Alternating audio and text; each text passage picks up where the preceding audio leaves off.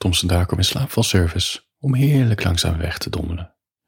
Soms krijg je een duister verhaaltje, soms een heel persoonlijke bekentenis over waterflesjes die in wasmachines verdwijnen. Of je krijgt hele filmrecensies. Ja, ik probeer me altijd aan mijn script te houden, maar soms heb je, heb je zo, ja, nou ja, soms moet je er ook juist van afwijken, wat dan weer bevestigt wat een normale script is. Of zoiets. Goed, voor je gaat slapen. Voor mij komt een geschreven verhaal pas echt tot leven als ik het hardop voorlees aan mezelf of soms aan jou. Het ding is, je hoort bij uitspreken direct welke zin niet goed loopt en welke woorden missen en welke zinnen sowieso vernietigd moeten worden. In dat opzicht ben je bij het schrijven je eigen publiek. Comedians die, de Amerikaanse comedians, nou, ik denk ook wel in Nederland, die testen altijd hun materiaal in kleine comedyclubs. Weet je, waar valt de lach? Waar valt het stil? Waar, waar verslapt de concentratie? En ze testen juist op deze plekken een comedyclub, omdat mensen hier niet voor jou komen, maar voor algemeen vermaak. Volgens schrijver Chuck Palahniuk uh, moet je als aspirant-schrijver een schrijfworkshop oprichten of je erbij aansluiten, zodat je elke week aan elkaar je nieuw geschreven werk kan voorlezen. Een beetje als een comedyclub, maar dan een select clubje van schrijvers. Dan hoor je precies waar de lach valt. Je ziet waar de concentratie verslapt. Na afloop vraag je feedback. En door je verhaal voor te lezen aan anderen, wordt je eigen materiaal beter en beter. Ik, uh, ik heb mijn eigen testclub. Test, test, jeetje, test, test. Ik heb mijn eigen test. Jee, wat een ingewikkeld woord, joh komt door die thee. Ik heb mijn eigen testclub gecreëerd. En dat is mijn vijfdaagse mail. Ik, ik verstuur namelijk als je abonneert via Petje Af. Ja, het is veranderd nu. petjeaf.com slash Darko. Ontvang je elke ochtend om zes uur, maandag tot en met vrijdag, een fantastische tekst van mij. Het kan een essay zijn, het kan een proza zijn, het kan uh, tips zijn hoe je beter kan schrijven. Je krijgt ook toegang tot mijn exclusieve spraakberichten. Geen inslaafvalberichten, maar spreek doe een update over mijn leven. Ik spreek teksten in. Ik voorzie ze van context. Ik geef je tips hoe je een succesvolle schrijver of een TikToker kan worden. Weet je, van alles en nog wat. Eigenlijk hoe je vooral je kunst kan maken van je tragedie. Goed, mijn vijfdaagse mail. Ehm, ik zie dat als mijn tekstpubliek, want het is een select clubje mensen. Die betalen ook nog eens om mijn teksten te lezen.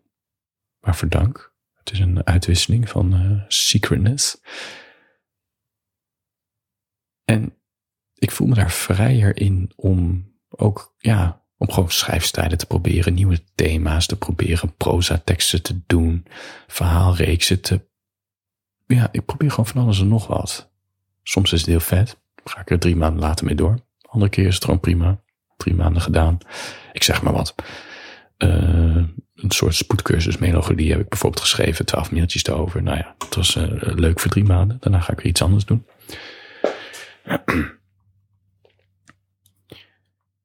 En hier zijn ook boeken ontstaan. In ieder geval eentje, dat is Lieve Vreemdeling. Uh, die is in mijn vijfdaagse mail ontstaan ondertussen kan ik ook zeggen dat drie andere boekideeën van mij, die zullen gewoon voor altijd in de mailbox van deze abonnees blijven. Het, het was leuk, snap je? Ik heb het gewoon geëxperimenteerd. Het is een afgerond verhaal, maar het was niet goed genoeg dat ik dacht van, nou ja, het is niet goed genoeg om een boek te doen. Dus dat is fantastisch. Het is aan de hand van de feedback, maar ook hoe ik er zelf over nadenk. Nou ja, je begrijpt het wel. Ik testte ook mijn proza teksten bij mijn vijfdaagse mail. Met positieve reacties kijk ik vaak nog een keer naar de tekst en dan maak ik een soort Instagram variant van, of een TikTok variant. Dan probeer ik die teksten wat meer to the point te maken om te voldoen aan die korte aandachtspannen. En die teksten worden oprecht beter ervan. Ik, ik kan veel beter filteren. Dus het is niet. Ik zeg niet dat er ook kuttekst. Nou, er zit ook wel. Nee, nee, nee, trouwens niet. 5000 mail zijn geen kutteksten. Ik, de kutteksten die laat ik achterwege. Maar er zitten normale teksten en supergoeie teksten bij. En het is juist de filter om die supergoeie teksten eruit te krijgen, die ik dan weer via social media wat meer probeer te verspreiden. En die teksten die dan goed scoren op Instagram, en waar ik zelf een goed gevoel bij heb, want we zijn toch twee verschillende dingen, die herschrijf ik vaak een paar maanden later. Laat me zeggen, zoals een schilder zijn eigen favoriete werk namaakt en verbeteringen aanbrengt. En soms merk ik bij het herschrijven dat het echt een hele andere tekst wordt. Of het wordt gewoon een hele simpele variant. En enkele daarvan vinden hun weg opnieuw naar de mailbox van abonnees of naar de tijdlijnen op social media. En andere die verstoffen nu gewoon in mijn mapjes van on ongepubliceerd werk. En dat is helemaal oké. Want in die zin, kunst is nooit af. Het stopt omdat de kunstenaar ermee stopt. Net zoals elk verhaal goed afloopt als je maar op tijd stopt met vertellen. Maar dit proces kan je versnellen door het te delen met mensen. Dus dat je op het juiste moment stopt. Dat je in ieder geval weet van oké, dit, is, uh, dit is goed. Of dit is uh, niet goed. Hier hoef ik geen energie meer te steken. Dit is goed. Ik hoef er alleen maar een klein beetje bij te schaven voordat ik het echt publiceer aan een groter publiek. Voor je gaat slapen. Uh, ik heb een klein verhaaltje geschreven die heet Ik vraag me af of jij voelt wat ik voel. Ik ga hem nu voorlezen. Je praat alleen maar met me als je je verveelt. Daartussendoor besta ik wel in je hoofd, zeg je. Maar waar ben je dan in mijn leven? Ik denk niet dat ik dit kan, jou delen.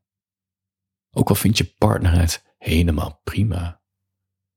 Zolang jij maar gelukkig bent, zei je vol trots, met je arrogante bek. Maar ik dan? Ik wil liefde. Ik wil passie. Ik wil magie, vuurwerk en trouwringen, in elkaar opgaan en elkaar volledig doorvoelen. De rest van de wereld vergeten, tot we niet meer kunnen. Jij zegt dat liefde niet zo werkt, dat liefde meer een afspraak is dan een sprookje.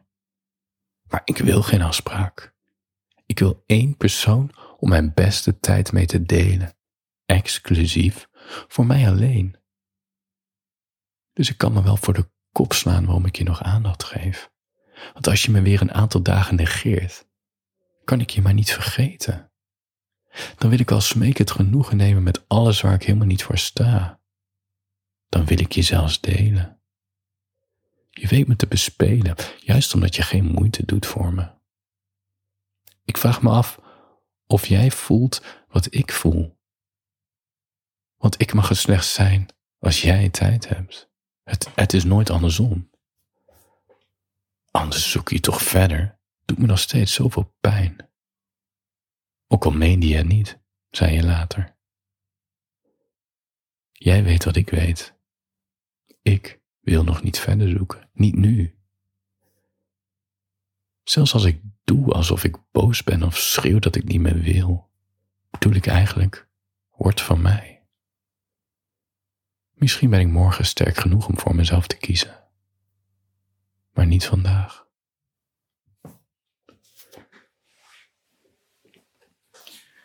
Dit zou dus zo'n verhaaltje zijn als ik het nu einde trouwens. Uh, die prima, goede eerste versie dit.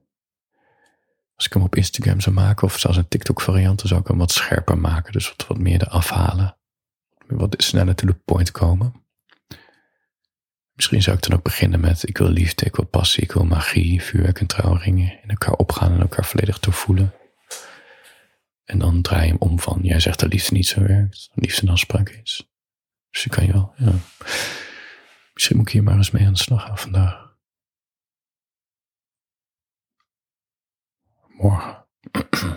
Goed, dat waren mijn gedachten. Voor je gaat slapen. Mijn, uh, ik ben bezig met een luisterboek. En het idee van het luisterboek is dat waar het luisterboek stopt, daar gaat mijn aankomende roman verder. Dus het is eigenlijk een, ja, het is eigenlijk een soort prequel, soort van. Uh, maar je kan het boek ook zonder het luisterboek lezen. Dus uh, het is een afgerond verhaal. Je, je krijgt alleen iets minder context, de aanloop. En een van die thema's in het luisterboek, dat is dit. Dit, dat je heel veel van iemand houdt. Of in ieder geval, je wilt heel graag samen zijn. Die andere persoon die staat er met je twijfelend tegenover en die wil zijn vrijheden niet kwijt. En Dat je dan een soort van besluit van, nou ja, misschien moeten we de relatie opengooien. Of dat je iemand ervoor erbij zoekt. Dat je een soort driehoeks uh, uh, gebeuren krijgt. Soort poly. Poly? Polyamoreus? ik ben niet zo heel erg thuis in die termen.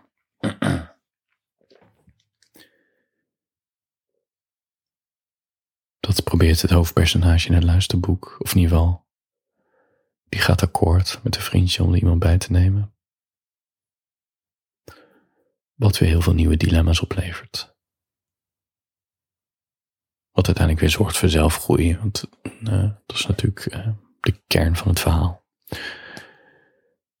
Dat het eerst kutter moet gaan voor je inziet dat je toch een andere weg op moet gaan, waardoor je gaat groeien.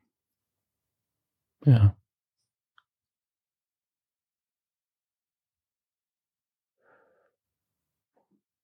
Ik vind het eigenlijk wel grappig, want ik zit nu dit verhaaltje te lezen. Dit heb ik dus vorig jaar geschreven.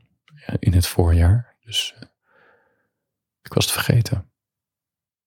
En dit heeft raakvlakken nu met mijn luisterboek. Maar in mijn luisterboek gebruik ik, ga ik toch in iets andere richting op. Ik gebruik ook andere woorden. Ik zou dit stukje tekst ook niet ervoor kunnen gebruiken. Maar toch zit er een onderliggend thema die hetzelfde is. Ja. Funny.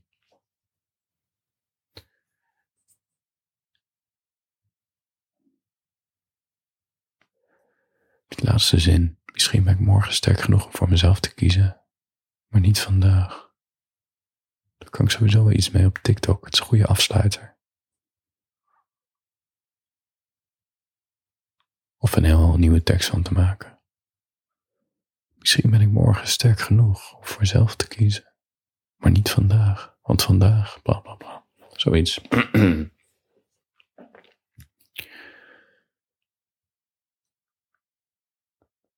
voor je gaat slapen.